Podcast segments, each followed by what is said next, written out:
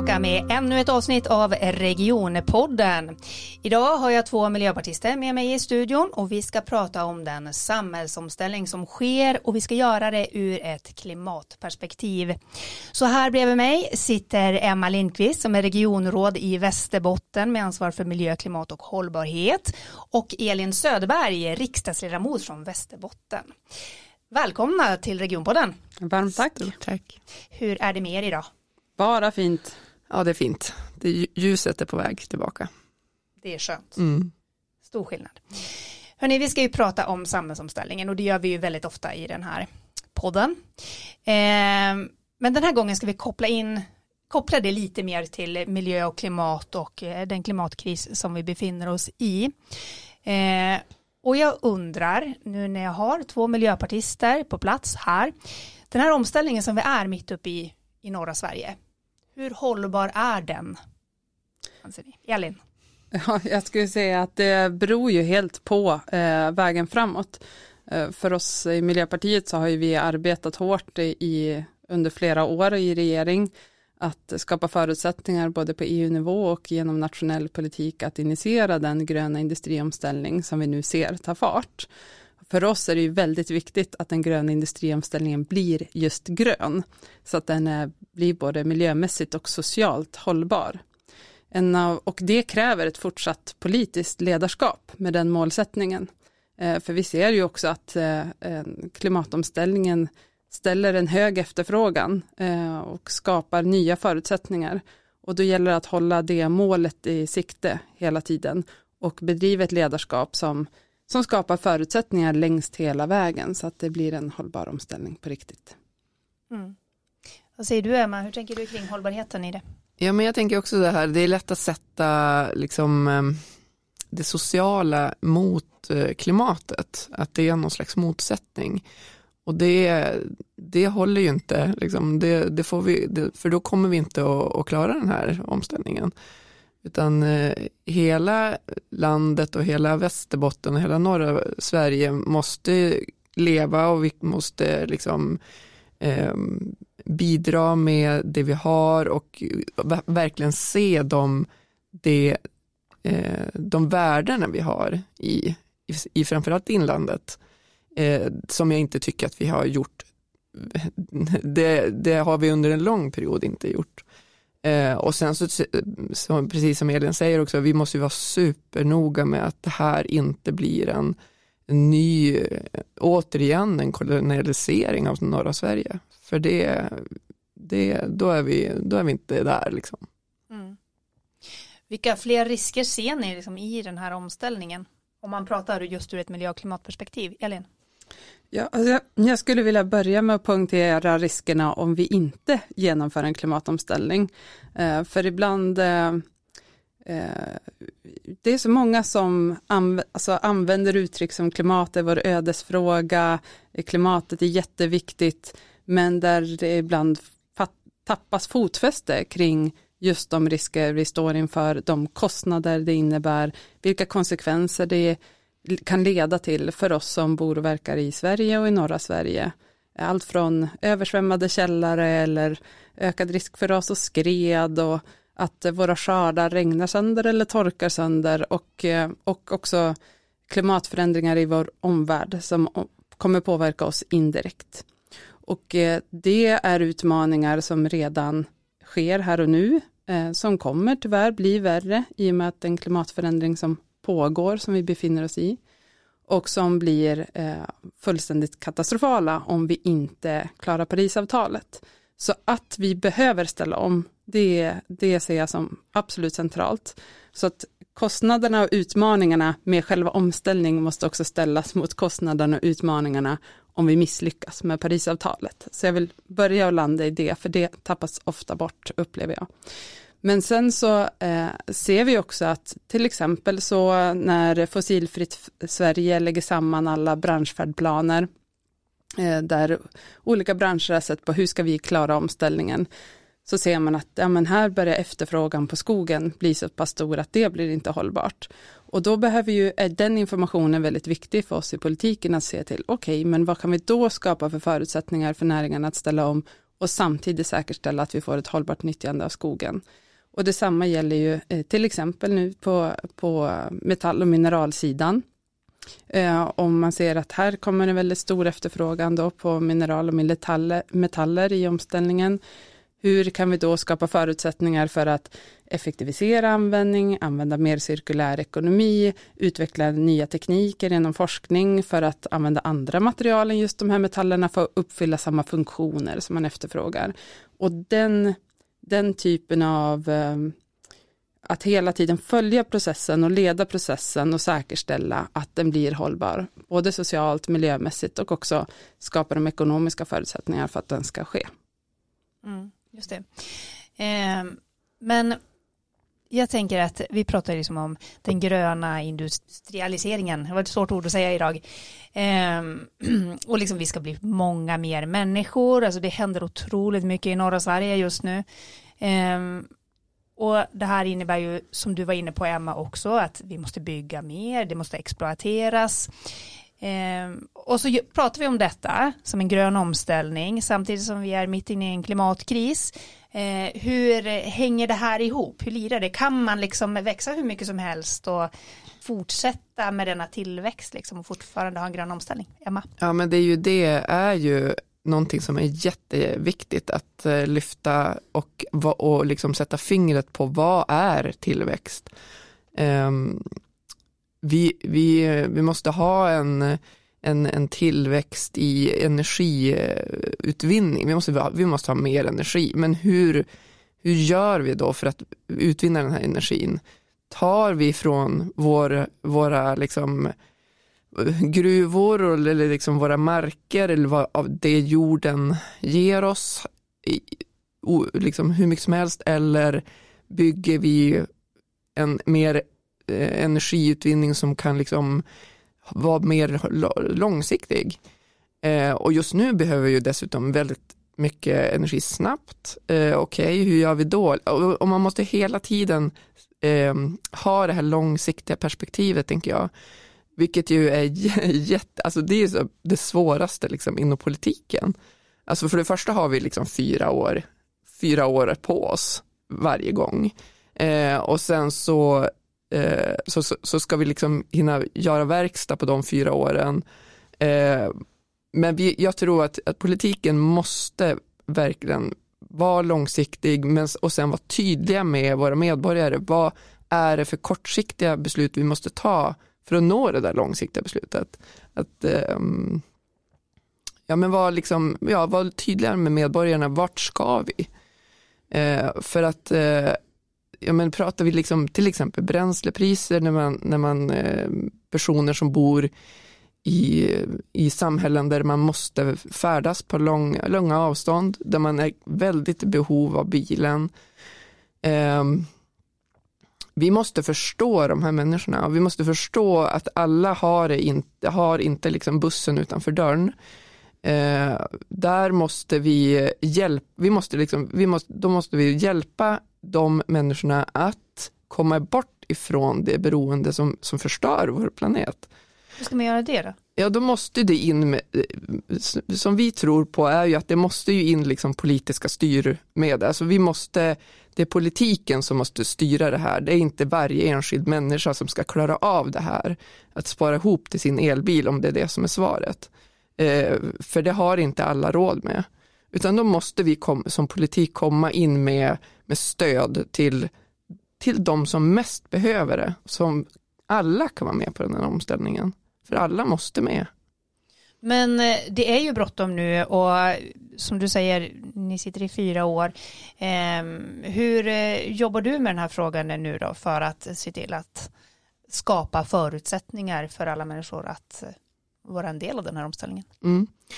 Eh, jag som då jobbar i regionen och med eh, Västerbotten liksom som fokus, eh, just, jag tänker ju att de offentliga verksamheterna måste gå före och visa vägen. Vi måste vara ett föredöme. Vi måste visa att till exempel nu bygger vi över 240 nya laddstolpar i länet. Vi måste liksom på våra hälsocentraler, på alla våra sjukhus, det måste vara självklart att kunna köra liksom fossilfritt. Vi måste bygga ut lokaltrafiken och länstrafiken. Vi måste ha ett längre perspektiv där vi ser, ja men okej, okay, hur, hur färdas vi? Vad är liksom det optimala? Men vi har liksom det här stråket genom Västerbotten i tvärbanan eh, som, som liksom vi behöver eh, också med den här eh, industrialiseringen så måste vi också kunna frakta människor och gods och, och det, allt det här måste vi göra på ett fossilfritt sätt. Ja, men då måste vi satsa på järnvägen och då måste vi satsa på att människor kanske inte varenda kotte kan åka järnväg eller kan åka tåg utanför dörren men då måste man kunna ta sig till järnvägen på ett fossilfritt sätt. Så hela tiden bygga det där systemet på lång sikt. Ehm, så, så tvärbanan är en, en sak som vi liksom slåss för att den ska eh, byggas ut och framförallt först och främst till Storuman, att vi ska kunna åka tåg till Storuman och, och frakta gods där. Ehm, men också att länstrafiken, eh, där har vi, det är ett jättesvårt dilemma nu med, när det är liksom HVO är jättedyr, eh, vi, går, vi går back i länstrafiken, eh, vad ska vi göra, liksom, eh, ja, ska, ska, man dra in eller ska man satsa? Eh, för man har också en pengapåse. Liksom. Eh, men där det handlar om prioriteringar och att vi tror att det vi får inte dra in på trafiken och på att människor ska kunna färdas fritt. Mm. Elin, vad säger du? Ja, nej men för mig är det självklart att vi ska ha god mobilitet och goda förutsättningar för godstransporter i hela landet och att de måste bli fossilfria.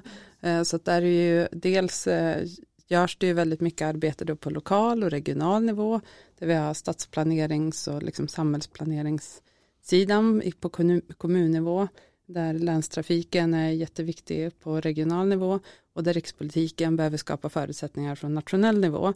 Och att eh, se till att det här är Alltså vår mobilitet handlar ju också som Emma eh, lyfte här om kopplingarna mellan olika typer av transportsystem, att se, dem, se till att de blir smidigare och att vi eh, har rätt lösning på rätt plats. Så att det blir eh, rättvist utifrån de förutsättningar och behov som både människor och verksamheter har i respektive ort. Eh, det är helt centralt.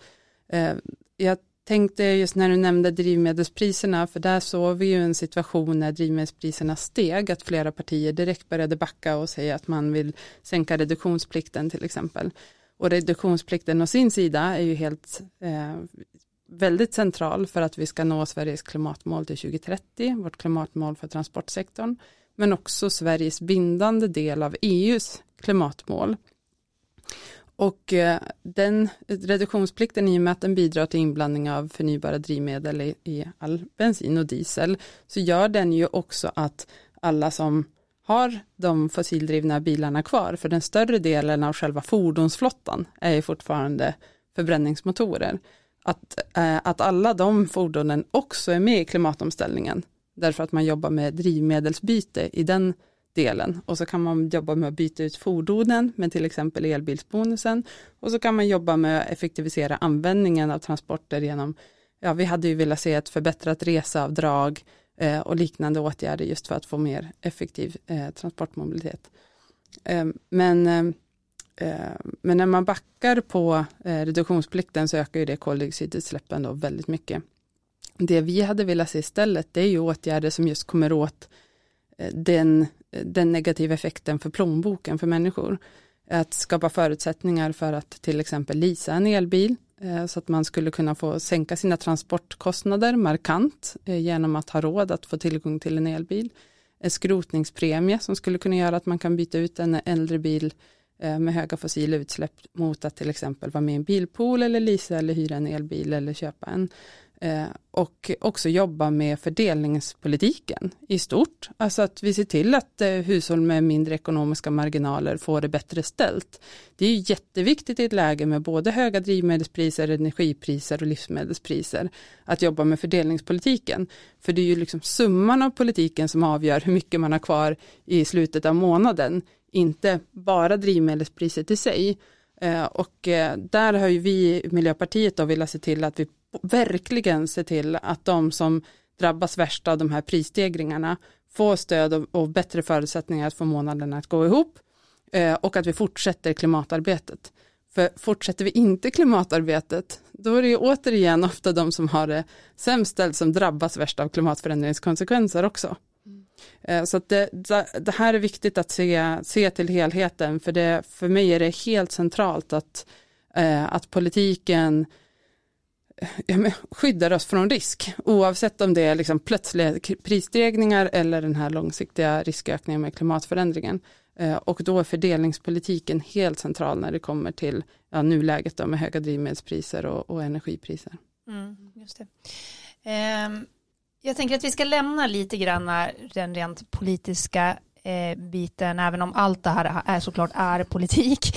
Um, men om vi då återgår liksom till själva ja, men hela omställningen som just nu sker, liksom att vi ska växa och vi har grön, de här gröna industrierna. Eh, vi pratar, det har bland annat hittats eh, mycket mer sällsynta jordartsmetaller. Jag tappar yes. orden idag känner jag. Ja, precis. Eh, nej, men det, det, det väcker ju massor med frågor, liksom, om vi ska ha en batteritillverkning. Mm. Liksom här till exempel, som den gröna omställningen. Okej, okay, men vi måste ju ha de här mineralerna någonstans ifrån också. Ska vi ta dem härifrån eller inte? Eh, helt plötsligt pratar man så här, kan man bryta uran i Jämtland? Mm. Ska vi göra det? Eller vart ska vi ta mm. saker och ting ifrån? Hur ser ni som miljöpartister på det här? För det är ändå en omställning som förvisso är grön och som ni förespråkar som sker i norra Sverige. Samtidigt så behöver vi ju liksom också inhämta materialet någonstans ifrån. Ja, vi vill inte se någon uranbrytning i Sverige. Eh, eh, det är ju förbjudet att bryta uran i Sverige idag och uranet har ju dels eh, väldigt stora negativa effekter och risker i sig, men också bundet i alunskiffer många gånger som har ja, väldigt stora negativa effekter och risker. Och det är inte en väg som vi vill se att den här samhällsutvecklingen går. Eh, när det gäller andra sällsynta jordartsmetaller till exempel, som är, eh, eh ja, är tillåtet lagligt idag, eh, så, eh, så ser vi att där, där behövs de här avvägningarna göra kring att det kan finnas gruvor där det finns väldigt bra förutsättningar att eh, fortsätta eller fördjupa den brytning som sker idag och utveckla den. Eh, det kan finnas platser där det finns goda förutsättningar för att öppna nya gruvor, men det finns också många platser där det inte är lämpligt att öppna gruvor. Eh, så att vi är ju till exempel väldigt starkt emot eh, Gallock gruvplanerna där, men ser ju positivt på de det som LKAB gick ut med här nu med, med tillgång till sällsynta jordartsmetaller. Och där blir det viktigt att se till att vi har bra processer på plats som då kan sålla mellan detta. Att vi har seriösa eh, bolag eh, som har förutsättningar att driva detta under lång tid på ett ansvarsfullt sätt och jobba med återställning när det blir dags för det. Eh, och, eh, så det behövs ju liksom robusta processer för att säkerställa både den sociala hållbarheten, den miljömässiga hållbarheten och att vi eh, tillvaratar de här resurserna där det är lämpligt. Mm. Jag tänker också att det är ju, vi har ju också gruvprospekteringar i Västerbotten som är eh, tveksamma och, och jag tänker att man måste hela tiden se på, men om vi har eh, eh, vi har det här behovet, eh, nu finns det en eh, möjlighet att bryta här, och, men då får vi den här konsekvensen. Det, ofta handlar det också om vattentillgång, liksom vattentäkter eh, för oss människor och så handlar det om, om för djur, djurlivet, rennäringen. Eh, vi måste ju alltid, liksom hela tiden ställa det här mot varann. Och ja, vi behöver batterier, och, men hur mycket batterier ska vi kräva att vi behöver? Alltså, ska, vi tänka, ska vi tänka att varenda bil idag ska bytas ut till en elbil? Då, har vi, då får vi det svårt. Eh, eller ska vi tänka att vi på ett annat sätt ska färdas? Ska vi, ska vi tänka att vi ska dela mer då bil med någon annan och kanske mer ta, liksom, åka kollektivt på andra sätt? Um, alltså det är det här liksom skiftet tänker jag som, som är så otroligt svårt att kommunicera och prata om. Um, för det är också, för det finns liksom andra krafter då som säger att ja men bara vi för, bara vi får elektrifiera och få el i allting så kommer vi att kunna fortsätta som förut. Men det tror inte vi riktigt, utan det är ju att eh, ja, det är lite större än så. Mm. Och hur jobbar du med den frågan då i, din roll? Du sitter ju ändå på ganska mycket makt där. Ja, eh, ja det, är, det blir liksom ner till det, det, det konkreta som jag var inne på tidigare, att vi måste få människor att åka mer tillsammans. Eh, att vi måste få människor att eh, bara liksom konkret när vi ska färdas till vården så måste vi ha alla möjligheter att eh, inte vara beroende av bilen. Vi måste också se till att all verksamhet inom regionen, inom sjukvården är att vi har ju till exempel enorma mängder av avfall som vi eh, bi bidrar till, situationstecken, eh, som vi måste minska.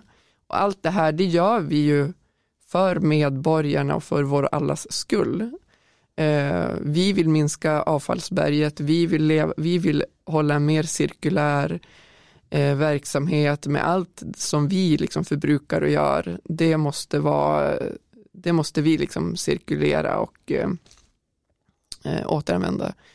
Eh, och ända ner ja, men till maten som serveras. Vi måste jobba för att våra matproducenter i länet ska kunna producera vår egen mat som vi också i regionen ska köpa. Liksom. Ehm, så att ja, men regionen är en stor aktör och vi kan påverka jättemycket. Så. Mm. Hur ser klimatmålen ut för eh, Region Västerbotten som organisation? Som organisation så har vi, eh, vi ska vara netto nollutsläpp 2045 och sen så ska vi komma ner i, i ehm, till 60 procent av våra utsläpp minst till 2030. Alltså, och det, då jämför vi med, eh, nu ska vi se, 20, 18, 19 och sånt där. Um, så att det, vi ska gå raskt i början för att liksom kunna komma ner. Ja, Kommer ni klara det? Eh, ja, det finns ju liksom inget annat. Jag, jag gör allt jag kan för att vi ska klara det. Mm. Um, Elin? Ja, men jag tänkte just på den här eh, utmaningen du nämnde, att det här ja, men att det finns begränsningar för hur mycket någonting kan utvecklas eller användas. Um, och eh, det blir ju särskilt relevant i ett globalt perspektiv och om man också vill jobba med att höja levnadsstandarden globalt och fattigdomsbekämpning så, så blir ju en, en efterfrågan väldigt stor. Och jag tänker att det kokar ner till ekonomi. Det här har att göra med att det är begränsade resurser vi har att eh, använda. Eh, och då handlar det om att ha ett tänk kring hur använder vi den här begränsade resursen bäst effektivt. Och grundförutsättningen för det är ju att politiken då eh, utgår från att det här är begränsade resurser. För om vi eh, har eh, en politik, om det bedrivs politik som inte förhåller sig till att det är begränsade resurser som påverkas, då slår man ju i taket, vi, vi, då spricker budgeten så att säga. Och på samma sätt som, som Emma nämnde att liksom regionens ekonomiska budget är begränsad, så blir det väldigt viktigt att förhålla sig till att de naturresurser vi har att eh, använda är begränsade och då utveckla politik utifrån det. Och jag tror att det, det, det är ju någonting som är centralt för oss i Miljöpartiet, att se till att de här begränsade resurserna, hur nyttjar vi dem mest effektivt? Det är liksom ekonom, ekonomi i sin grundläggande bemärkelse Eh, och utveckla politik utifrån det. Just för att skapa förutsättningar så att vi kan få en hög livskvalitet eh, som kommer liksom hela landet till del med de resurser som, som finns så att vi inte övertrasserar någonstans. Och där ser jag stora risker om man eh, när, när jag hör förslag från andra partier som man ser att ja, men här kommer man åka diket på ändra hållet om det är så att man förstör den biologiska mångfalden för mycket eller man ökar klimatutsläppen för mycket så leder det till konsekvenser och risker för, för eh, hela samhället eh, på sikt. Så det, det är väl en, en grundläggande del att, eh, att utgå från de här begränsade resurserna och i det, alltså om man landar i det, då är ju det verkligen fröet till så otroligt mycket innovation. Och jag tycker att det är det vi också ser nu i norra Sverige. Att när vi förhåller oss till att vi måste begränsa klimatutsläppen, då ser vi också en liksom explosion av innovation, idéer, nya affärsmöjligheter, värdekedjor som utvecklas, nya samarbeten som kommer till stånd och det leder till en väldigt positiv samhällsutveckling. Så att se möjligheterna av det och skapa för, politiska förutsättningar för den innovationen och den samhällsutveckling, det är ju en, en otroligt intressant och givande att få jobba med politiskt, men det är också en förutsättning för att vi ska undvika risker, både nu och i framtiden. Mm. Eh, men hela den här omställningen den sker ju här och nu. Vi gör jättemycket avsnitt om att vi måste få människor att flytta hit. Mm. Det är kompetensbrist, det är människobrist, det finns mm. inte människor till alla jobb samtidigt mm. som det ska bli ännu fler. Men, ja, ni förstår, det är ju liksom en cirkel som mm. bara går runt, runt, runt. Och det här ska ske här och nu och väldigt många företag till exempel känner ju att man, man, man kan inte vänta på politiken. Mm. Eh, ni har ju varit inne på att skapa politiska förutsättningar och sådär, men det tar ju mm. tid och vi mm. måste ändra saker och ting nu, vi, både när det gäller klimatkris men också liksom att få människor att flytta hit. Det måste byggas bostäder, de mm. måste byggas nu. Byggföretagen står och stampar. Kan vi bygga, törs vi bygga, hur ska vi göra, hur ska vi bygga, var ska mm. vi bygga och så vidare. Um, liksom, det, det, är ju lätt att hamna i att politiken ska lösa allt det här nu, mm. men när det då inte sker och det tar mm. tid, liksom, kan vi ändå få till stånd ett hållbart samhällsbygge? Jag, jag, jag, jag, jag lyssnade bara på radion i morse och eh, det du säger det här med människor, så, att vi behöver så mycket arbetskraft så blir man ju, måste jag ju ändå få liksom så här hänvisa till rikspolitiken och eh, vi, vi blir ju oroliga när vi liksom ser att vi ska begränsa arbetskraftsinvandringen, eh, vi ska liksom kasta ut folk som har permanenta uppehållstillstånd. Eh, det, det, jag får inte det att gå ihop. Eh, och om man säger att vi, ja, men vi behöver kvalificerad arbetskraft och ja, hög kvalificerad arbetskraft. Eh, alltså vi har ju ett samhälle som bygger på otroligt mycket människor som, som har kommit till Sverige. Um, så, så det där är jag oroad över och uh, vi, vi säger ju också det, eller det, det har vi ju liksom pratat mycket om att att vi har ju väldigt mycket människor som gör saker som är långt under deras förmåga så att säga. Alltså vi har människor som, eh, som är högutbildade men som inte får jobb inom de arbetena. Så, så man pratar bara liksom det, eh, kompetensförsörjningen så, så måste vi ju liksom, vi måste ju bredda vår box så att så, så fler kommer in. Eh, men, och sen om man går vidare då till, till vad, att vi måste bygga, vi måste ha en, nu är det ju väldigt fokus, i Västerbotten så är det väldigt mycket prat om Skellefteå såklart, eh, och sjukvården. Alltså vi måste, alltså för, för där är det ju också så att eh, tar Northvolt eh, folk från sjukvården alltså, som går och jobbar för Northvolt istället så har ju samt, alltså fortfarande Northvolt ett problem för att alla människor behöver sjukvård eller skola eller så. Eh, så att eh, där tror jag att det behöver väldigt, göras väldigt mycket med att eh, ja, vi måste ju sam, samordna oss och eh, vi, ja, vi har mycket att göra. Mm.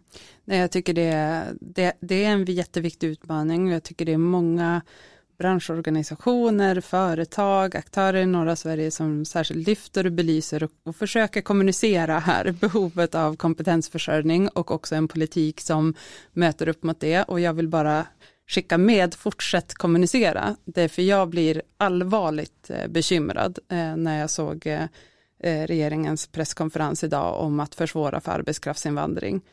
Det är ehm, ja, det kan låsa in oss i väldigt stora risker för samhället i stort. För vi har den här utmaningen ställs ju på sin spets i utvecklingen i norra Sverige där vi ser en snabb, eh, snabbt ökat behov av arbetskraft i, i industrin. Men det är ju en utmaning redan för hela Sverige. Vi har gått liksom år från att vi, det är vissa spetskompetenser som man har brist på till att vi har kompetensbrist stort till så att det är personalbrist till att vi har liksom brist på händer och fötter.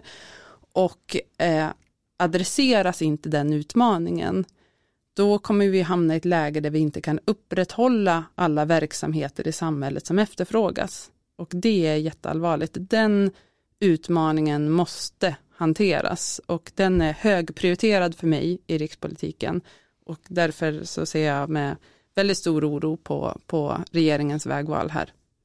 Mm. Eh, tror du att du kan påverka liksom, eh, så att det rent av stannar av utvecklingen i norra Sverige? Det är för tidigt att svara på, eh, men, men eh, jag tycker att det är väldigt viktigt att den, Eh, den här frågan belyses mer eh, och att behoven kommer fram. Eh, och att det inte, både behoven i norra Sverige men också att det här är en, en fråga i stort. Det här är, är en fråga för hela samhället, att vi ser till att vi har människor som kan göra alla saker i samhället som, som behövs. Mm. Men tiden går fort. Jag tänker att vi ska hinna prata lite om skogen.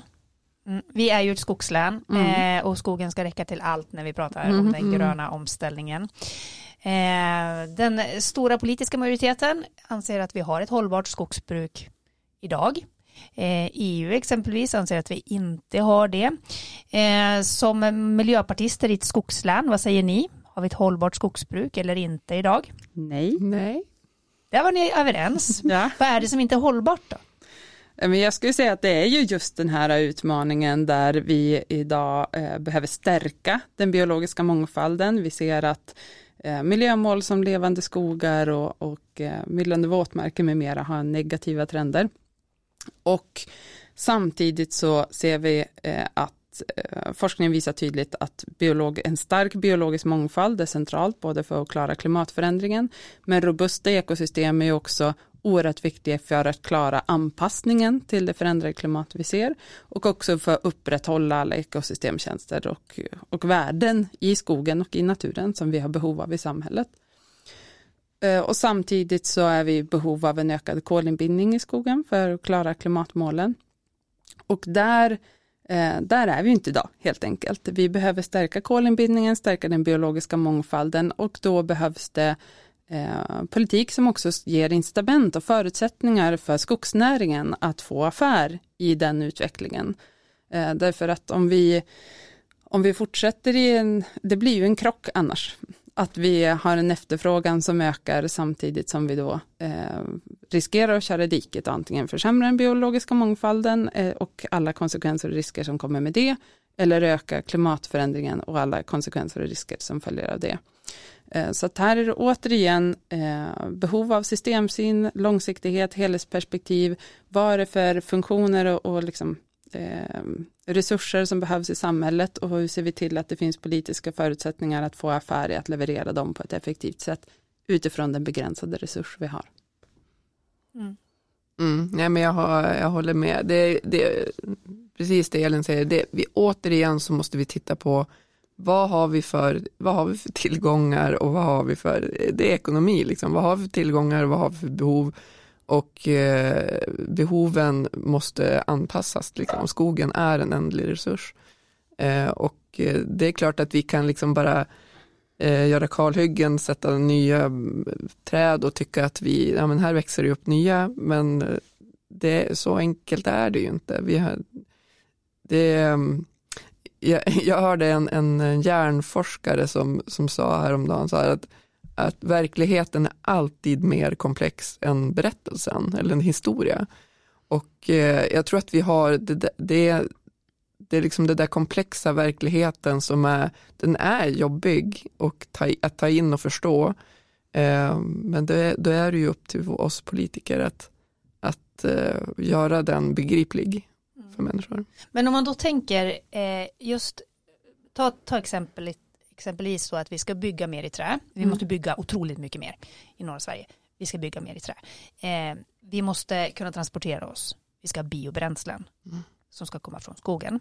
Eh, och eh, samtidigt så behöver vi lagra koldioxid. Vi behöver värna biologiska mångfalden. Skogen bör stå kvar. Mm. om vi bara tar den ekvationen, liksom, Ja, kan ju säga så här, först och främst biobränsle, det, känns, det tänker vi ju är, det är ett övergångs, det är ingen långsiktighet i det. Um, ja. Mm. Men går det ihop liksom? Bara om man tar de, de tre benen liksom. Ja, jag skulle säga, antingen så säger man att det här går inte ihop och så sätter man sig i soffan och gör någonting annat. Eller så säger man att det här måste vi se till att det går ihop och det är det som jag brinner för. Hur ser vi till att det här går ihop? Och eh, jag skulle säga, nu har vi pratat lite om det big picture här om, om de här stora strömmarna, men det kokar ju ner liksom att se till att ja, men det måste finnas budget avsatt för att de skogsägare som vill skydda sin skog ska få ersättning för att göra det. Det måste finnas resurser för att jobba med att bekämpa invasiva arter. Det måste finnas eh, incitament som gör att vi använder då skogsråvaran till långlivade produkter såsom träbyggande hellre än till kortlivade produkter som väldigt snabbt blir biogena koldioxidutsläpp. Och det måste finnas eh, logistik för att få till eh, cirkulär ekonomi, alltså att om vi har haft en långlivad produkt, hur kan vi återbruka den i bostadssektorn eller hur kan den bli nya produkter så att det är bundet och lever länge och uppfyller flera samhällsfunktioner under sin livslängd. Eh, eller hur vi kan cirkulera det här till andra, eh, andra eh, hur ska man säga, varor eller produkter längre ner i, i näringskedjan så att säga. Och eh, det är ju, det är ju liksom konkret politik som vi arbetar med i EU-parlamentet, nationellt och också då till exempel i kommuner när det handlar om återvinningsmöjligheter och så. Så att det är ju de här Eh, det är de stora utmaningarna som, som gör att när Miljöpartiet säger att vi vill det här i kommunen eller det här i, i ja men, se till att det finns resurser för skogsägarna att faktiskt skydda sin skog. Det är det också för att det är en pusselbit i att hantera den här eh, stora utmaningen när det gäller att skogen är en begränsad resurs. Den har uppfyller fantastiska värden och eh, vi måste se till att vi både stärker biologiska mångfalden, att vi kan bedriva rennäring under lång tid, ha fortsatt jakt och fiske och bärplockning och, och samtidigt ha råvara till bostadsbyggande till exempel. Mm. Och turismen är också väldigt ja. beroende av skogen. Mm, precis. Avslutningsvis, eh, vi pratar ju ofta om 2030 som en siffra, det är många mål som är satta till 2030 så vi tar 2030, mm. vi också. Eh, om ni tittar på norra Sverige 2030 eh, och den samhällsomvandling som sker, hur långt har vi kommit 2030? Hur ser det ut här då? Emma? Eh, ja, 2030 det är ju inte, det är skrämmande nära.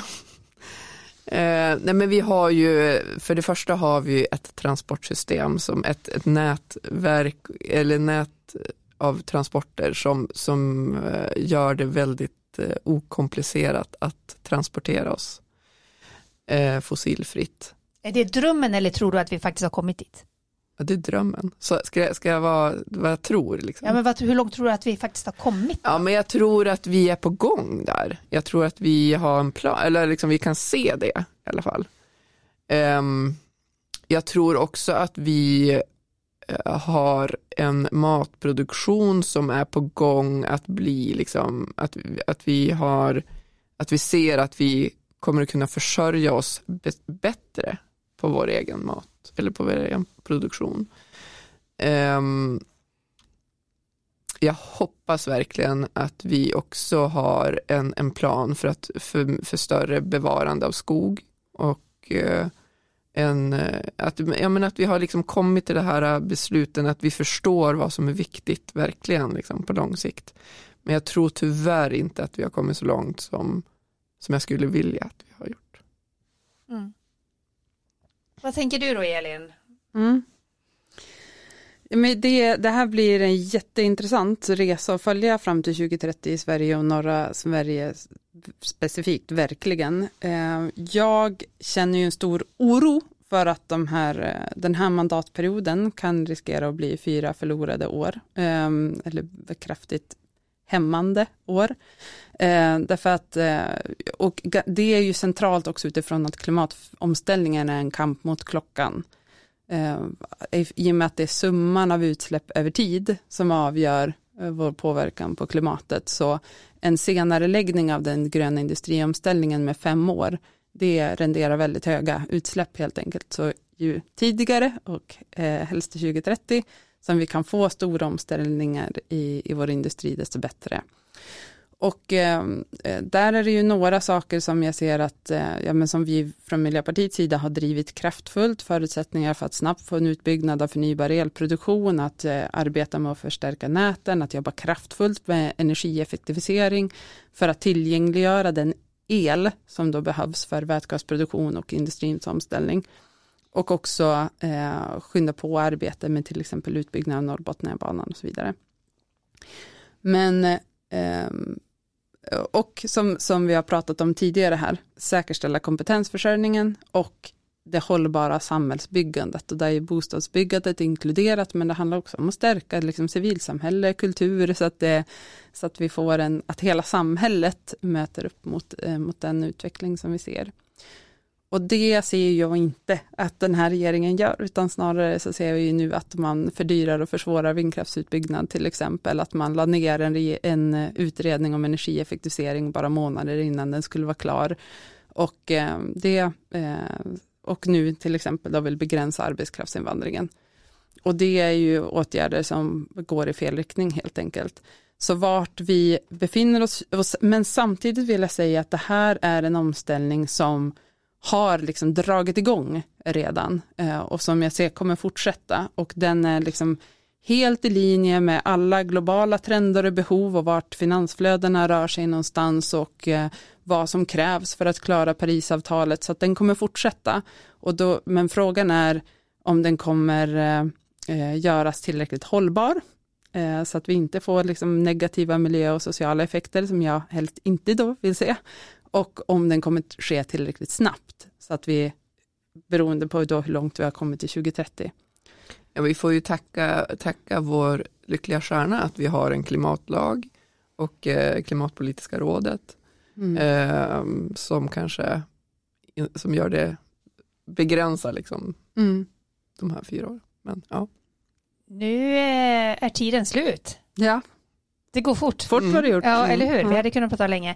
Tack för att ni kom hit och pratade om de här frågorna. Varmt tack för att ja, Stort tack för att vi fick komma. Och tack också till dig som har lyssnat. Själv heter jag Elin Leonberg och vi är tillbaka igen om två veckor.